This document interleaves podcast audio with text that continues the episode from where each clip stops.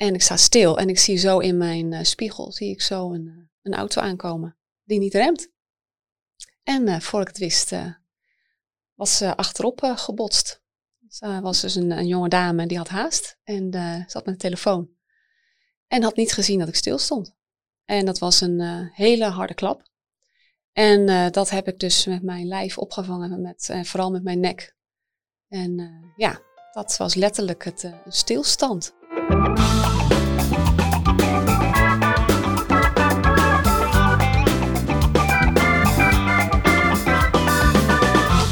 Welkom bij de podcast van de Verhalensmeders. De podcast waar inspirerende verhalen worden gedeeld. En vandaag gaat het weer over groeien door tegenslag. En mijn speciale gast vandaag is eh, Linda Brandwijk. Zij is expert in de zakelijke kant van Human Design, oftewel BG5. Uh, dat is een methodiek waar je informatie krijgt over je talenten, je drijfveren, je kwaliteiten. En het biedt toegang tot de unieke routekaart die iedereen uh, heeft. Hè? Dus je eigen authenticiteit. Uh, welkom uh, Linda. Dankjewel. Um, en ik wil je heel graag uitnodigen om te vertellen wie je bent en wat je nu doet. Ja, nou ja, uh, mijn naam is dus uh, Linda Brandwijk. En uh, ik heb op dit moment een eigen coachingspraktijk, hè, waarbij ik werk met BG5. En dat is dus hè, wat je al heel mooi aangaf, hè, de meer praktische en zakelijke vertaling van human design. En, um, ja, en wie ik ben, dat, dat is een heel lang vraagstuk geweest in mijn leven want meestal ook als mensen je de vraag stellen, hè, wie ben je, wat doe je, dan zeg je meestal je naam en je zegt wat je doet, maar wie je echt bent, dat is altijd wel een, een vraag. En um, ja, wat ik nu weet is dat ik um, ja, iemand ben met heel veel energie. Uh, dat ik heel snel dingen voor elkaar kan krijgen. Dat ik heel intuïtief ben en dat ik eigenlijk een, uh, ja, klinkt een beetje, misschien een beetje stom van jezelf te zeggen, maar eigenlijk een, een geboren coach ben. Die talenten zitten in mij. En dat ik heel veel um, aanvoel, heel veel hoor bij mensen tussen de regels door. En dat uh, gebruik ik dus ook heel erg in, in mijn coachingspraktijk, in het werken met mensen. En um, dat ik ook heel toekomstgericht ben. Mooi. Ja. En dan wil ik even teruggaan Ten eerste, want ik zei net Human Design BG5. En ik denk dat er een hele hoop luisteraars zeggen: wat is BG5 en wat is Human Design? Kun je daar even iets meer over uh, vertellen? Dat kan ik. Nee, Human Design bestaat eigenlijk al heel lang. Dat is in de jaren nou, 80 volgens mij al, uh, al bekend geworden. Uh, deze, die informatie. En, en BG5 is zeg maar af, nou zeg maar, volgens mij bestaat het nu ongeveer een jaar of vijf dat, uh, dat er veel meer vanuit Beetje 5 wordt er veel meer gekeken naar hoe jouw talenten tot zijn recht komen in een zakelijke omgeving. Human Design die kijkt heel erg naar uh, hè, wie je bent. En dat doet Beetje 5 uh, net zo. Alleen Human Design gaat dan meer in op ook um, dat je ja, naar je conditioneringen kijkt nog meer. En dat je veel meer gaat kijken van oké, hoe, um, hoe ga ik daarmee om? Ja, om daarvan af te komen. En uh, dat je eigenlijk een soort experiment aangaat van wie ben ik nou eigenlijk echt. Beetje 5 is meer, vind ik, toegepast op uh, ook dat stuk, maar ook op hoe je, hoe je terecht, hoe je eigenlijk tot je recht komt in een zakelijke omgeving. En de taal is anders. Dus waar je bijvoorbeeld bij Human Design praat over een, uh, het zijn van een, uh, een kluizenaar. Hè, spreek je in beetje vijf taal over een natuurtalent. Dus dat is een hele andere taal, veel meer toepasbaar zoals ik het ook ervaar in de zakelijke wereld. En ook dat je kunt zien, hè, kom ik het best op mijn recht in een, uh, in een kleine groep of in een grote groep. Uh, hoe energiedynamiek gaat in groepen, et cetera. Dus het heeft een iets meer uh, ja, zakelijke toepassing dan, dan human design. Oké. Okay. Ja. ja, dankjewel vast voor die toelichting. Want en dus denk ik voor de luisteraars belangrijk een beetje wat is Human Design en wat is BG5. Nou, daar ga je waarschijnlijk nog wel meer uh, over vertellen in het uh, komende podcast. Um, maar als we even teruggaan naar, uh, naar vroeger. Dus je zei, ik, ben, ik heb heel lang niet geweten wie ik nou eigenlijk ben. En ik, ja. ik, herken dat wel. Hè? Wat is nou je gebruiksaanwijzing en hoe weet je mm. nou wat je talenten zijn en wat, wat niet? Maar welke situaties in jouw jeugd hebben um, effect gehad in je huidige leven? Iets over vertellen? Ja, nou, dat zijn er, uh, zijn er denk ik wel een, een paar duidelijke punten. Um, ik toen ik geboren werd, was ik heel, ja, eigenlijk tot mijn negende levensjaar, was ik heel vrolijk, heel spontaan. Ehm, ja, eigenlijk heel onbezorgd. En op school ging het ook, uh, ging het ook heel goed. En toen op mijn negende uh, levensjaar gingen we verhuizen van een, van een stad naar een dorp. En in dat dorp, ja, ik was vreemd. Ik kwam in een klas en ik voelde me helemaal niet thuis. Ik dacht echt van waar ben ik nu beland? En van het populairste meisje werd ik in één keer het minst populaire meisje. En ja, we woonden ook een beetje in the middle of nowhere. Al mijn vriendinnetjes en vriendjes van school die uh, woonden nog in mijn vorige stad. Dus ja, ik vond dat heel lastig. En toen kreeg ik ook een zus. Dus mijn moeder werd zwanger en ik was dus negen jaar alleen geweest. Dus dat was een hele grote overgang. En ik merkte dat ik um, ja, eigenlijk heel introvert werd. Dus dat ik eigenlijk omsloeg en niet meer ja, mezelf was. zoals ik al die tijd was geweest. En dat heeft wel een hele lange tijd geduurd. En ook uh, op school vond ik het echt verschrikkelijk. Ik heb ook echt uh, met leraren die me niet begrepen. Die ook echt, ik moest op een gegeven moment ook een, vond ik heel vernederend, een intelligentietest doen. Want er waren leraren die, die zeiden van nou je moet gewoon zelfs van school af. Want je kan dat, dit niveau niet eens aan. En sommigen zeiden je moet gewoon naar het, naar het VWO of gymnasium, want je bent hartstikke slim. Dus het was echt een zo'n groot verschil. Dus nou ja, dat vond ik gewoon heel, heel lastig. En daarmee ja, voelde ik me eigenlijk nog meer eigenlijk ja, niet mezelf of heel erg onzeker. En um, eigenlijk pas, nou, ik denk toen ik naar het HBO ging, toen had ik het gevoel van hé, hey, nu begin ik weer een beetje mezelf te, terug te vinden. En eigenlijk Um, maar ik moet wel zeggen, ik had heel erg last van faalangst. En dat heb ik toen het eerste jaar, heb ik dat wel wat kunnen, ja, door wat training weg kunnen halen. En toen ging het wel weer wat, voelde ik me gewoon prettiger. Maar ik had nog steeds echt een gevoel van dat ik me moest bewijzen. Ik had continu het gevoel van, ik moet uh, heel erg mijn best doen om ergens bij te horen of om, uh, om het ja, te maken in de, hè, in de wereld. En ik ging daarbij heel erg kijken naar mijn ouders. Die hebben een eigen zaak altijd gehad. Ja, waren succesvol. Hè, en uh, we hadden altijd een mooi huis. En nou, gewoon ja, alles wat daarbij hoorde. Hè, meer het materiële stuk. En ik dacht, nou weet je, als ik dat maar ga nastreven, dan, uh, dan ben ik wel gelukkig. En dan, uh, dan ben ik wel iemand. En ja, dat heb ik eigenlijk het grootste gedeelte van mijn werkende leven gedaan. Zo ongeveer, nou ik denk dat ik rond hoe oud ben ik geweest toen? Ik ben altijd slecht in rekenen. Um, ja, rond mijn 34ste, 35ste. En toen uh, werd ik aangereden. Oké, okay, ja, want dat was even mijn vraag. Hè? Want je had een bepaalde definitie van, uh, van succes. Dat was ja. uh, een mooie auto, een mooi huis. Echt vanuit ja. de buitenwereld het ja. succesvolle plaatje. Precies. En nou, dat ging je aardig goed af, hè? zoals ik, zoals ik van je hoorde. Met vallen en opstaan wel. Met vallen en opstaan, maar uiteindelijk ehm, stond je er wel. Ja. En, uh, en toen overkwam het leven je. Toen, ja. uh, toen gebeurde er iets ingrijpends. Ja. Kun je daar iets over vertellen? Want dat is ja. ook de omslag geweest uh, in jouw leven. Precies.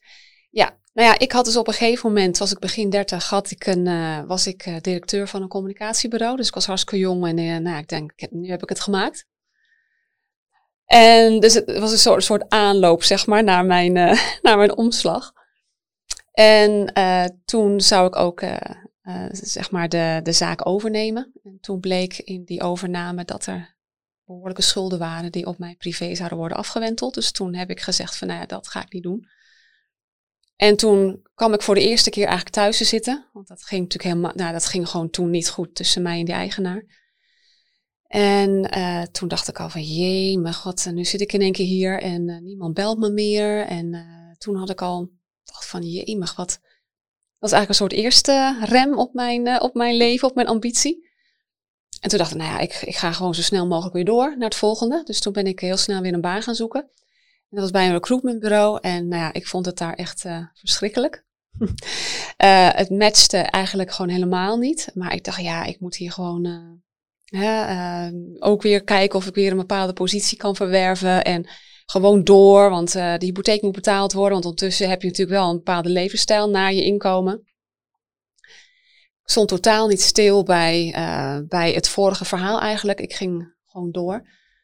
En toen had ik, uh, nou, toen was ik, was ik bij iemand, bij een klant geweest. En ik sta op de terugweg voor een stoplicht. En ik sta stil en ik zie zo in mijn spiegel, zie ik zo een, een auto aankomen die niet remt. En uh, voor ik het wist, uh, was ze achterop uh, gebotst. Ze was dus een, een, jonge dame die had haast en zat met de telefoon. En had niet gezien dat ik stil stond. En dat was een hele harde klap. En dat heb ik dus met mijn lijf opgevangen, met, vooral met mijn nek. En ja, dat was letterlijk het een stilstand in mijn leven. En, en nou ja, ik ben eigenwijs, dus uh, ook heel veel dingen gingen daarna helemaal niet goed. Uh, ook met, uh, met uitkeringen en ik, alles ging mis wat er mis kon gaan. En ik had nog steeds vechtlust, ondanks dat ik, ik kon niet eens mijn nek optillen zo ongeveer. Maar je had een whiplash? Ja. Je hebt wel laten ja. onderzoeken? Ja, ja. En, en ik kon gewoon alleen maar liggen. Ik kon mijn nek of mijn hoofd niet eens dragen.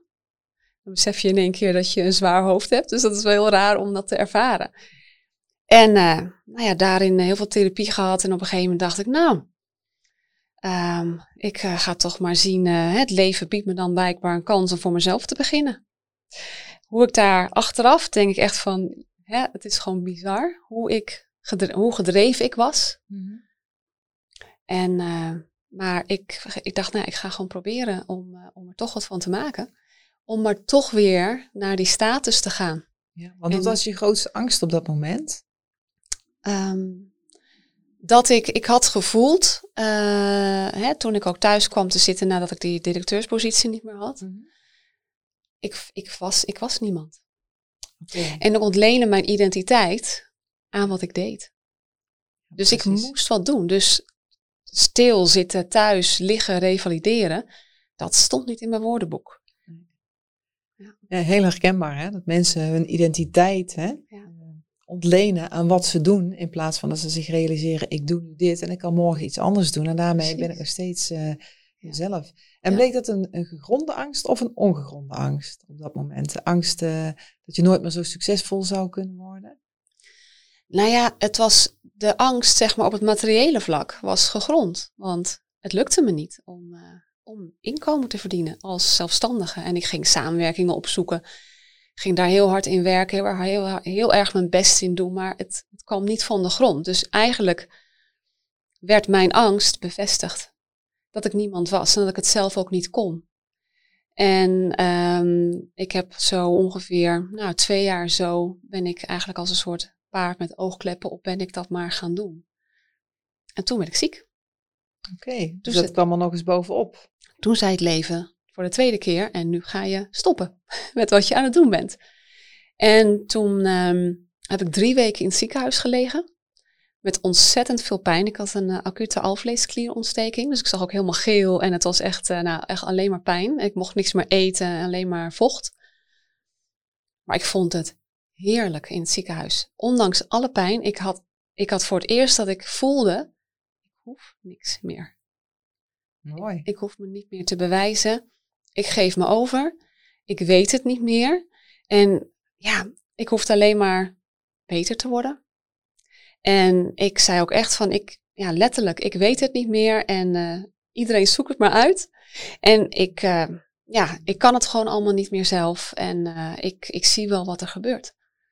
En wat gebeurde er toen? Ja, allemaal mooie dingen.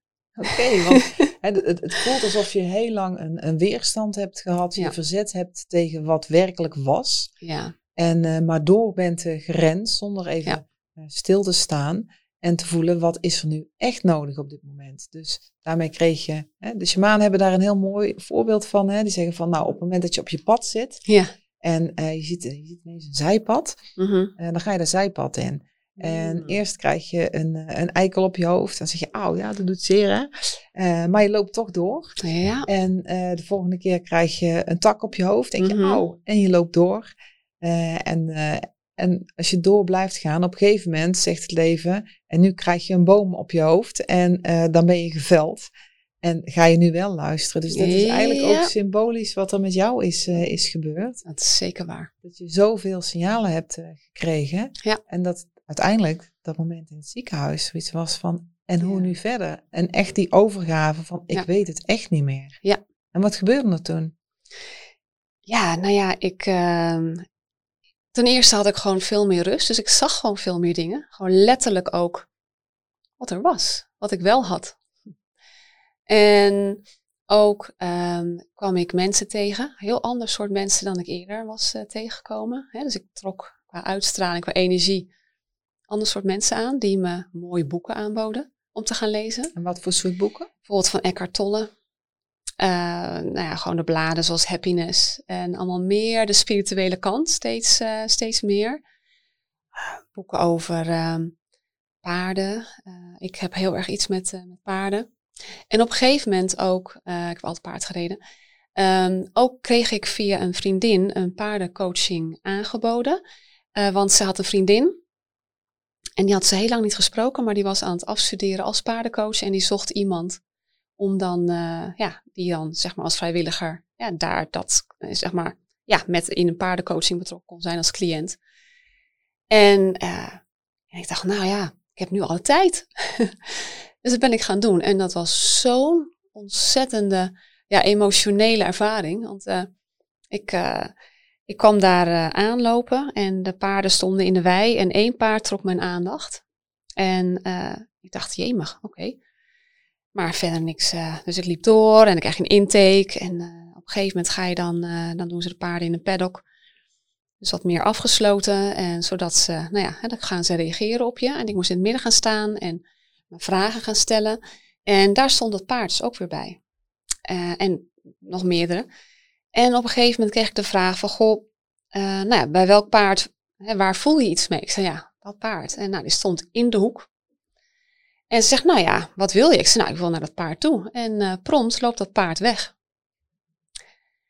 Dus ik stond met mijn, dus het paard liep naar achter, dus ik zag hem ook niet meer achter mijn rug. Ik denk, ja, wat is dit? Dus ze zei, ze, ja, wat voelt dat? Ik zei, ja, het paard wil me niet. Hè? Ik, dit kan ik ook al niet eens. Weet je wel Ja. zo? En eh, nou, dus op een gegeven moment, nou, zegt ze, maar wat wil je nu? Ik zei, ja, dat paard. Ik moet naar dat paard toe. Dus ik weer naar het paard. En die ging weer terug naar de andere hoek. En eh, toen zegt ze, nou ja, maar hoe, hoe zie je dat? Hoe ervaar je dat dan nu? Ik zeg, ja, het lijkt wel alsof dat paard, dat, dat ik dat ben. En ik loop van mezelf weg. Wat mooi. Zo mooi. En ehm zegt ze, ja, maar wat, wat wil je dan? En toen in één keer, nou, toen hadden we een gesprek en toen, eh, toen zegt ze van, joh, maar kijk nou eens hoe die paarden staan. Ik zeg, oké, stonden ze in een cirkel om me heen. Allemaal op rust. En toen hoorde ik een stem, ja, waar die vandaan kwam weet ik niet, maar die zei, je bent er al. Het is goed. Mooi. Ik denk, nou, wat is dit nou? Iedereen in tranen. En toen zegt ze, nou, ja, wil je dat, hè, wil je dat paard, hè, wil je dat bedanken? Of wil je dan... En toen liep ik naar haar toe en toen merkte ik dat het, dat paard heel erg, ehm, ja, best wel ehm, een beetje terugdeinsde. Maar toch, eh, ik mocht eh, toch aanraken. En toen ging die vrouw die mij begeleidde heel hard huilen. Ze zegt, maar dat paard, dat is een getraumatiseerd paard. Dat komt uit, uit een van Portugal of in ieder geval. Die heeft eh, eigenlijk voor de slacht en die heeft hele traumatische dingen meegemaakt. En die is voor het eerst dat hij nu meedoet in, in deze setting. En je mag, daar, je mag daar aanraken. En dat is heel bijzonder. Dat is nog nooit gebeurd. Ze zegt, jullie hebben elkaar geheeld. Mooi. Dus ja, nou, dat soort dingen. Toen dacht ik van, wat is dit? En vervolgens, ehm, en dat was eigenlijk de, het mooiste eigenlijk, wat er eh, op mijn pad kwam. In ieder geval, dat was het begin van mijn nieuwe reis eh, dus in mijn leven. Echt een omslagmoment. Echt het geweest. omslagmoment. Hè, sowieso die paardencoaching was al echt eh, een cadeau. En toen zat ik thuis televisie te kijken. En toen was Lauren Verster. Die had een eh, programma over Ibiza. En daarin kwam een man in de wit gewaad voorbij met human design. En ik, nou, ik heb niks met mannen in de wit gewaad. Maar wat hij vertelde, dat triggerde me zo.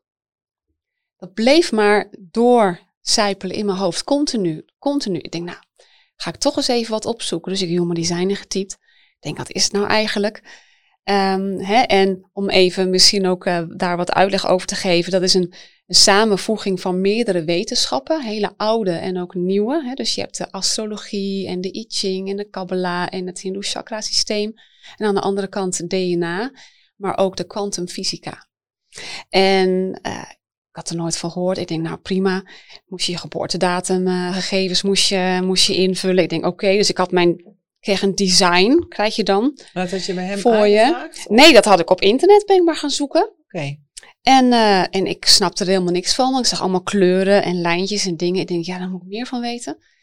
En uh, toen ben ik, uh, toen kon ik, omdat ik nog in het hele, zo'n heel traject zat van mijn aanrijding, kon ik naar iemand toe, een coach, om, ja, om, het, om het te supporten. En toen dacht ik, nou, dan ga ik naar iemand toe die human design heeft gestudeerd. Nou, toen ben ik daar naartoe gegaan en uh, in anderhalf uur kreeg ik uh, mijn hele design te horen. En alle puzzelstukjes, allemaal van mijn worstelingen met, met werk en met mijn ambitie en me niet van waarde voelen. Alles viel op zijn plek. Ik dacht, oh, zit ik zo in elkaar? Ja, en dat was zo'n openbaring. En toen bleek dus ook ja, dat ik uh, nou, heel veel aanleg heb, talent heb om uh, andere mensen ook te begeleiden. En toen vertelde zij mij ook, hè, die coach, over BG5. Want daar was ze net zelf mee gestart. En daar, ja, achteraf, hè, kan ik dat nu zeggen, resoneerde ik daar zo op. Dat ik um, met die studie ben uh, begonnen in 2018. En dat was dus echt, voelde als thuiskomen. Ja. Hè? Want je doet het nu nog. En ja. ik heb al hele mooie Ehm, ervaringen met jou uh, gehad, omdat je ook mijn design hebt gelezen, zelfs van mijn dochters. En wat zo'n enorm uh, cadeau is, mhm. omdat, uh, omdat het echt, dan kan ik uit eigen ervaring zeggen, heel veel inzicht geeft in je bewuste en je onbewuste kwaliteiten. Precies. En uh, ja, dat is een hele mooie ehm, methodiek die je iedereen zou gunnen. Ja. Maar goed, jij bent dus gestart met die opleiding. Maar ja, je was natuurlijk nog niks. Want wat was dan uh, de, de, sleutel tot succes? Want hè, dat was wel heel erg van naar buiten toe. En je begint dan met een opleiding. Maar ja, hoe dan verder? Hoe heeft zich dat ontwikkeld? Nou, het was bizar. Waar ik um, eerst twee jaar hè, geworsteld heb, voor, hè, toen ik voor mezelf wilde beginnen, in die periode tussen uh, aanrijding en opname in het ziekenhuis. Ik uh, ben in januari 2018 gestart en ik had in maart al mensen die uh, met me wilden werken. Dus mensen kwamen op me af. En ik zeg, ja, ik weet het allemaal nog helemaal niet. Dus, uh, maar nee, het maakt niet uit. ik, wil, ik vertrouw je en ik wil graag dat je mij vertelt over mijn design. Oké, dus toen heb ik met hulp van mensen die wel afgestudeerd waren, heb ik mensen daarin begeleid en wat ik leerde in de lessen. En in eind 2018, toen zei een cliënte ook van, van ja, maar ik wil je ook gewoon gaan betalen. Dus ik denk, oké. Okay. En goed. En toen dacht ik, ja, dan moet ik me inschrijven bij de Kamer van Koophandel. Ja. Dus toen ben ik eigenlijk, nou, een cliënte wil me betalen. Dus ben ik eigenlijk op haar, nou, geen dwang, maar op haar aangeven naar de Kamer van Koophandel gegaan en heb me ingeschreven. En eigenlijk uh, vanaf dat moment ook, ja, eigenlijk gewoon continu, ja, komen mensen naar me toe. Ja. wat, wat, wat, was jouw diepste verlangen, weet je dan nog, toen je uh, na die paardencoaching, hè, zei toen is een mm. omslag geweest van, hé, hey, ik ben er al. En dan komen er dingen op je pad en je pakt het aan. En wat was je diepste verlangen toen? Had je nog steeds die behoefte aan succes of was dat verlangen toch anders geworden? Nou, eigenlijk vooral weten wie ik, wie ik ben en doen waar ik goed in ben. Dat was eigenlijk het diepste verlangen. En het mooie is dat ik heel erg heb ervaren, gewoon persoonlijk, dat het succes dan vanzelf volgt.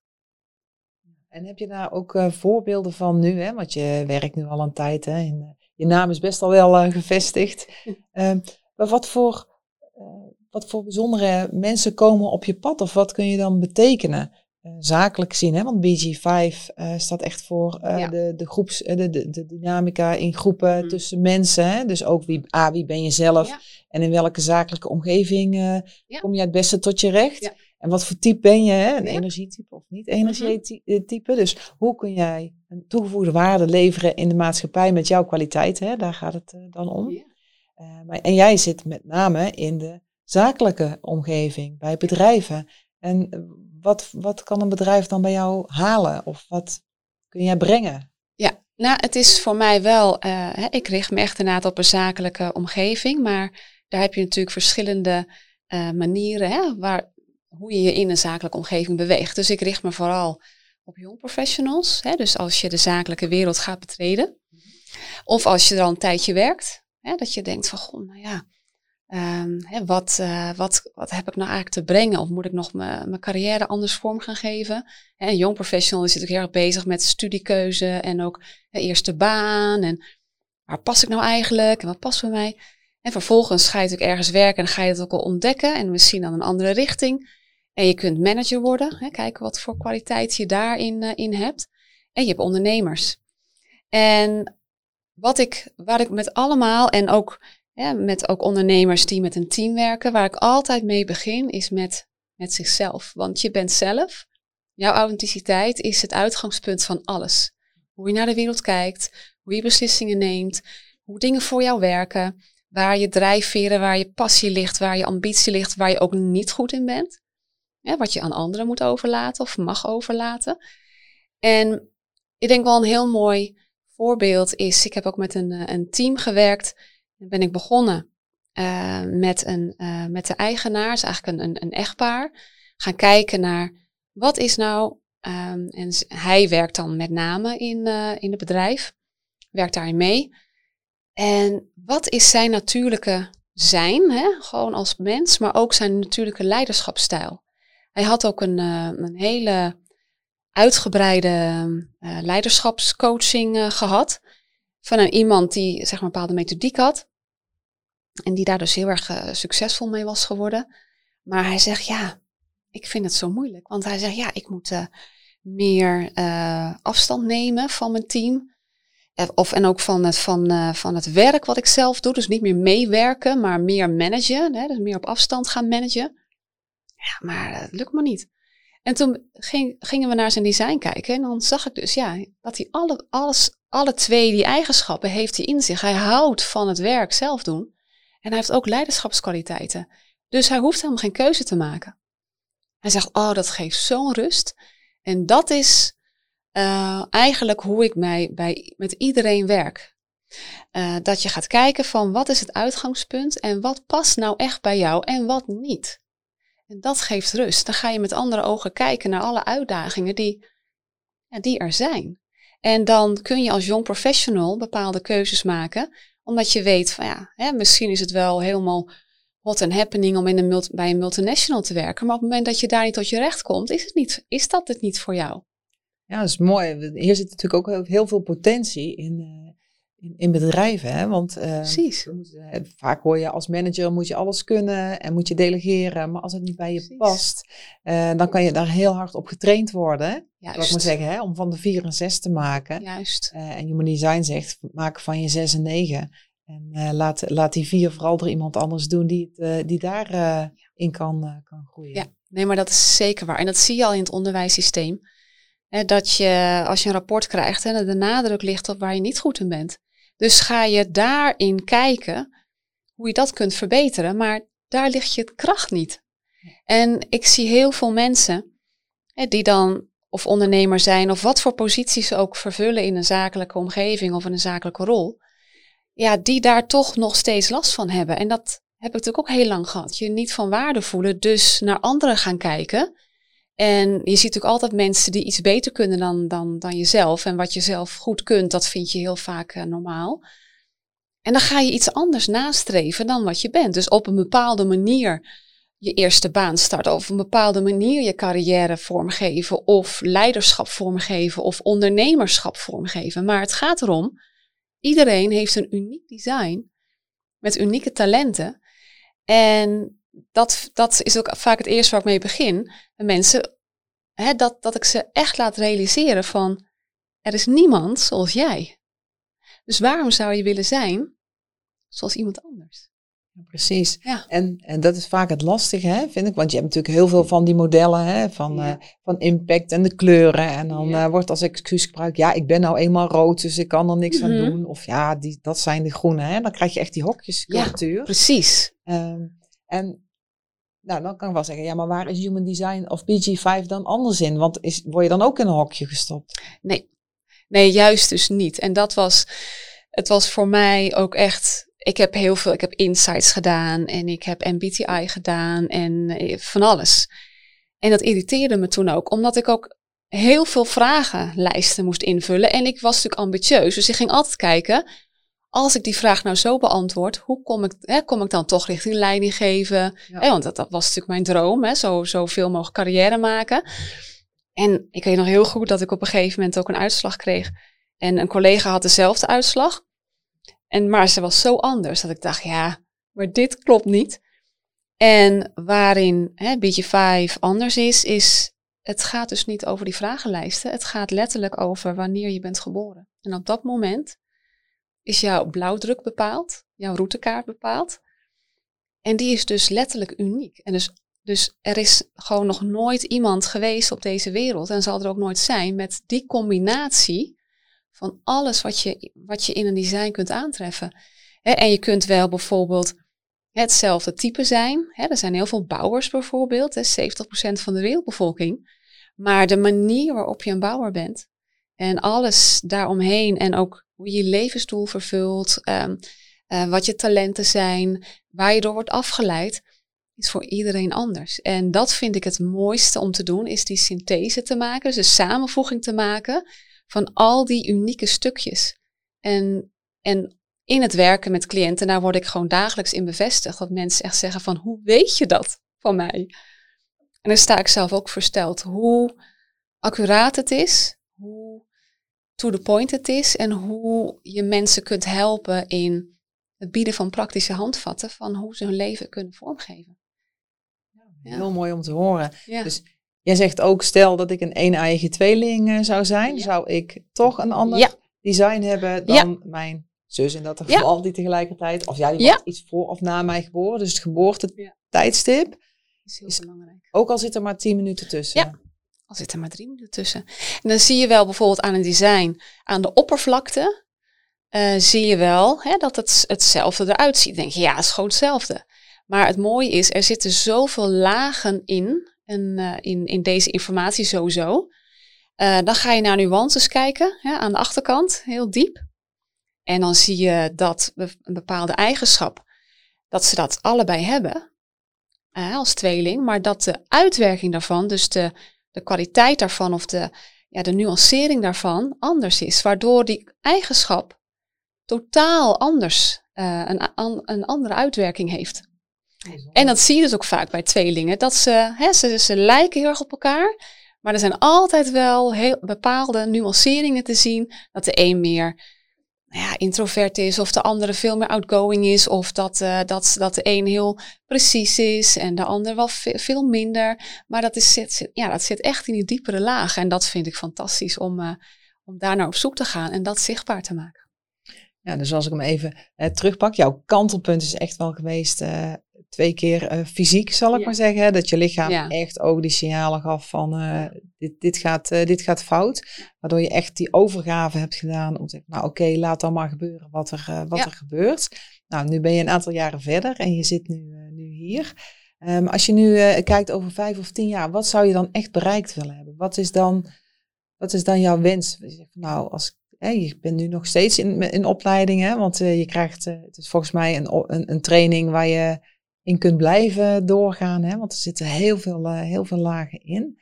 Eh, maar wat is jouw, jouw wens nou voor BG5? Waar, waar wil je naartoe? Ja, dat is een hele goede vraag. Um, ik heb eigenlijk voor mezelf uh, geleerd om niet te veel verwachtingen weg te zetten, laat ik het zo zeggen. Maar heel erg te voelen in het, in, het, in het moment. En vanuit mijn eigen onderbuikgevoel, dat is mijn, mijn gids om daarin te navigeren. En dat leidt mij naar dingen. Um, ja, mijn, mijn, hè, mijn drijfveer is wel hè, zoveel mogelijk mensen vertrouwd maken met hun eigen design. En de vorm en hoe dat allemaal gaat, verder gaat ontstaan, weet ik niet. Ik heb inmiddels, um, ik blijf leren. Ik heb wel alle certificeringen binnen uh, op het gebied van beetje 5 die er te halen zijn. Dat zit ook in mijn design. Ik hou ontzettend van, uh, van leren en om een stevige basis te hebben waar ik op, uh, op wil staan. Ik ben ook bezig om dan nu vanuit Human Design wat verdiepingsslagen te maken. Want Human Design die kijkt dan ook nog veel meer en naar in, in gezinsdynamiek en met kinderen. Daar ben ik heel erg ook in geïnteresseerd. Hè, dat is toch onze toekomst. En op andere manieren, zeg maar, hè, de verdieping om daarin te doen. En wellicht ga ik lesgeven. Dat is wel een vraag die er ligt, dus dat zou ook zomaar kunnen.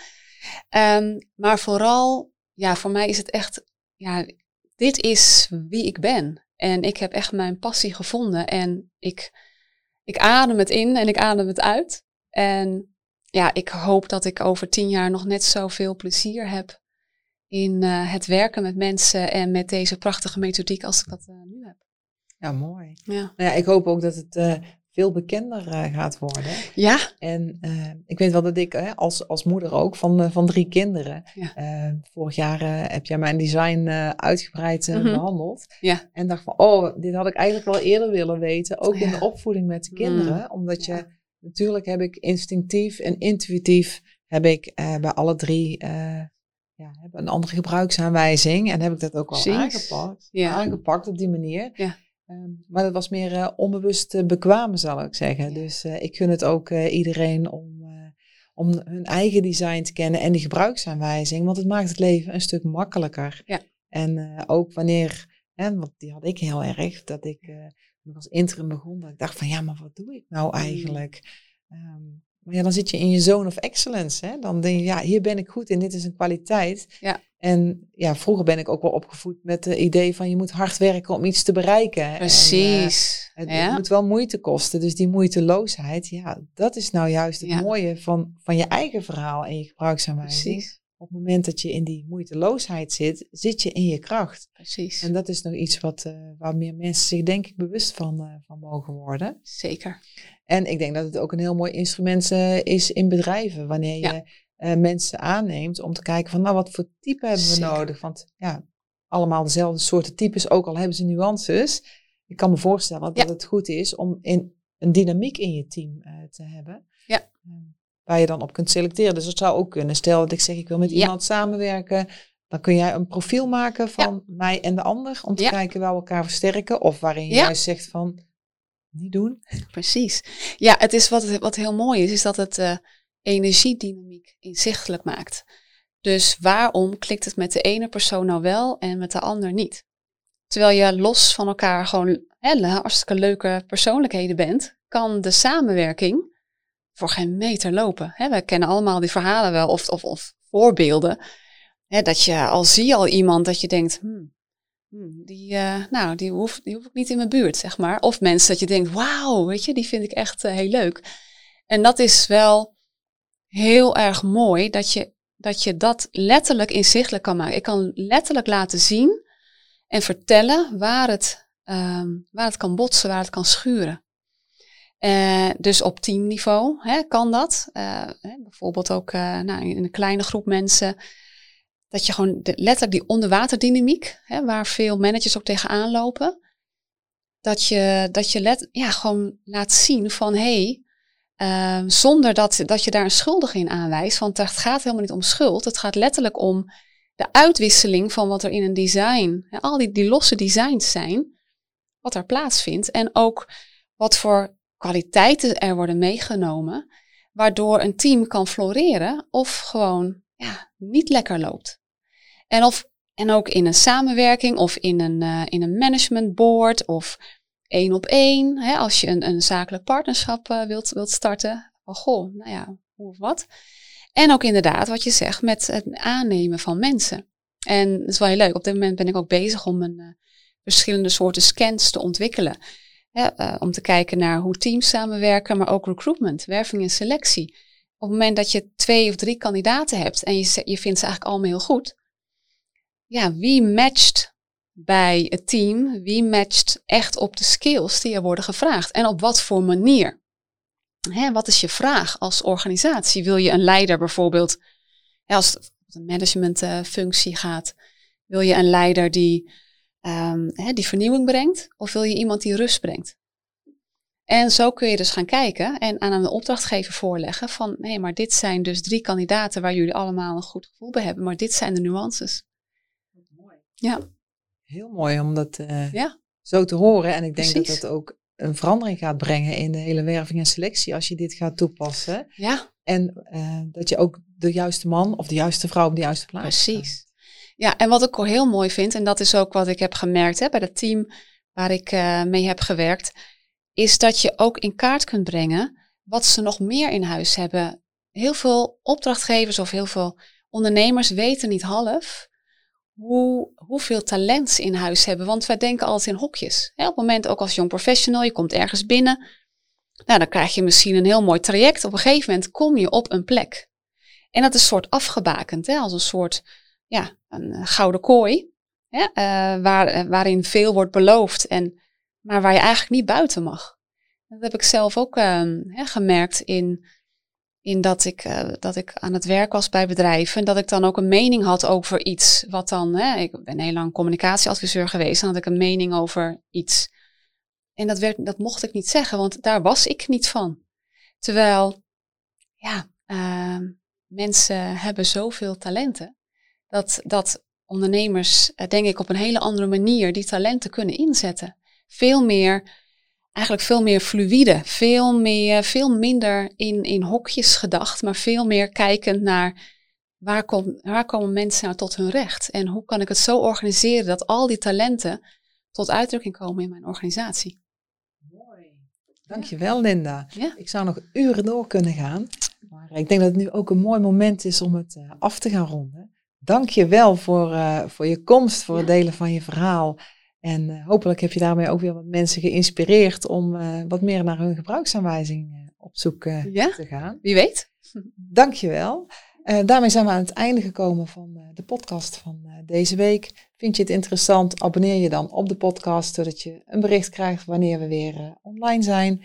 En via alle social media kun je ons volgen. Tot slot, dankjewel aan Linda, BG5 Consultant, voor je bijdrage. Uh, Wouter de Vink voor uh, het geluid, de opnames. En uh, Diederik Mutsaars van de Henhouse Studio, waar we hier alles mogen opnemen. Dankjewel en tot de volgende keer.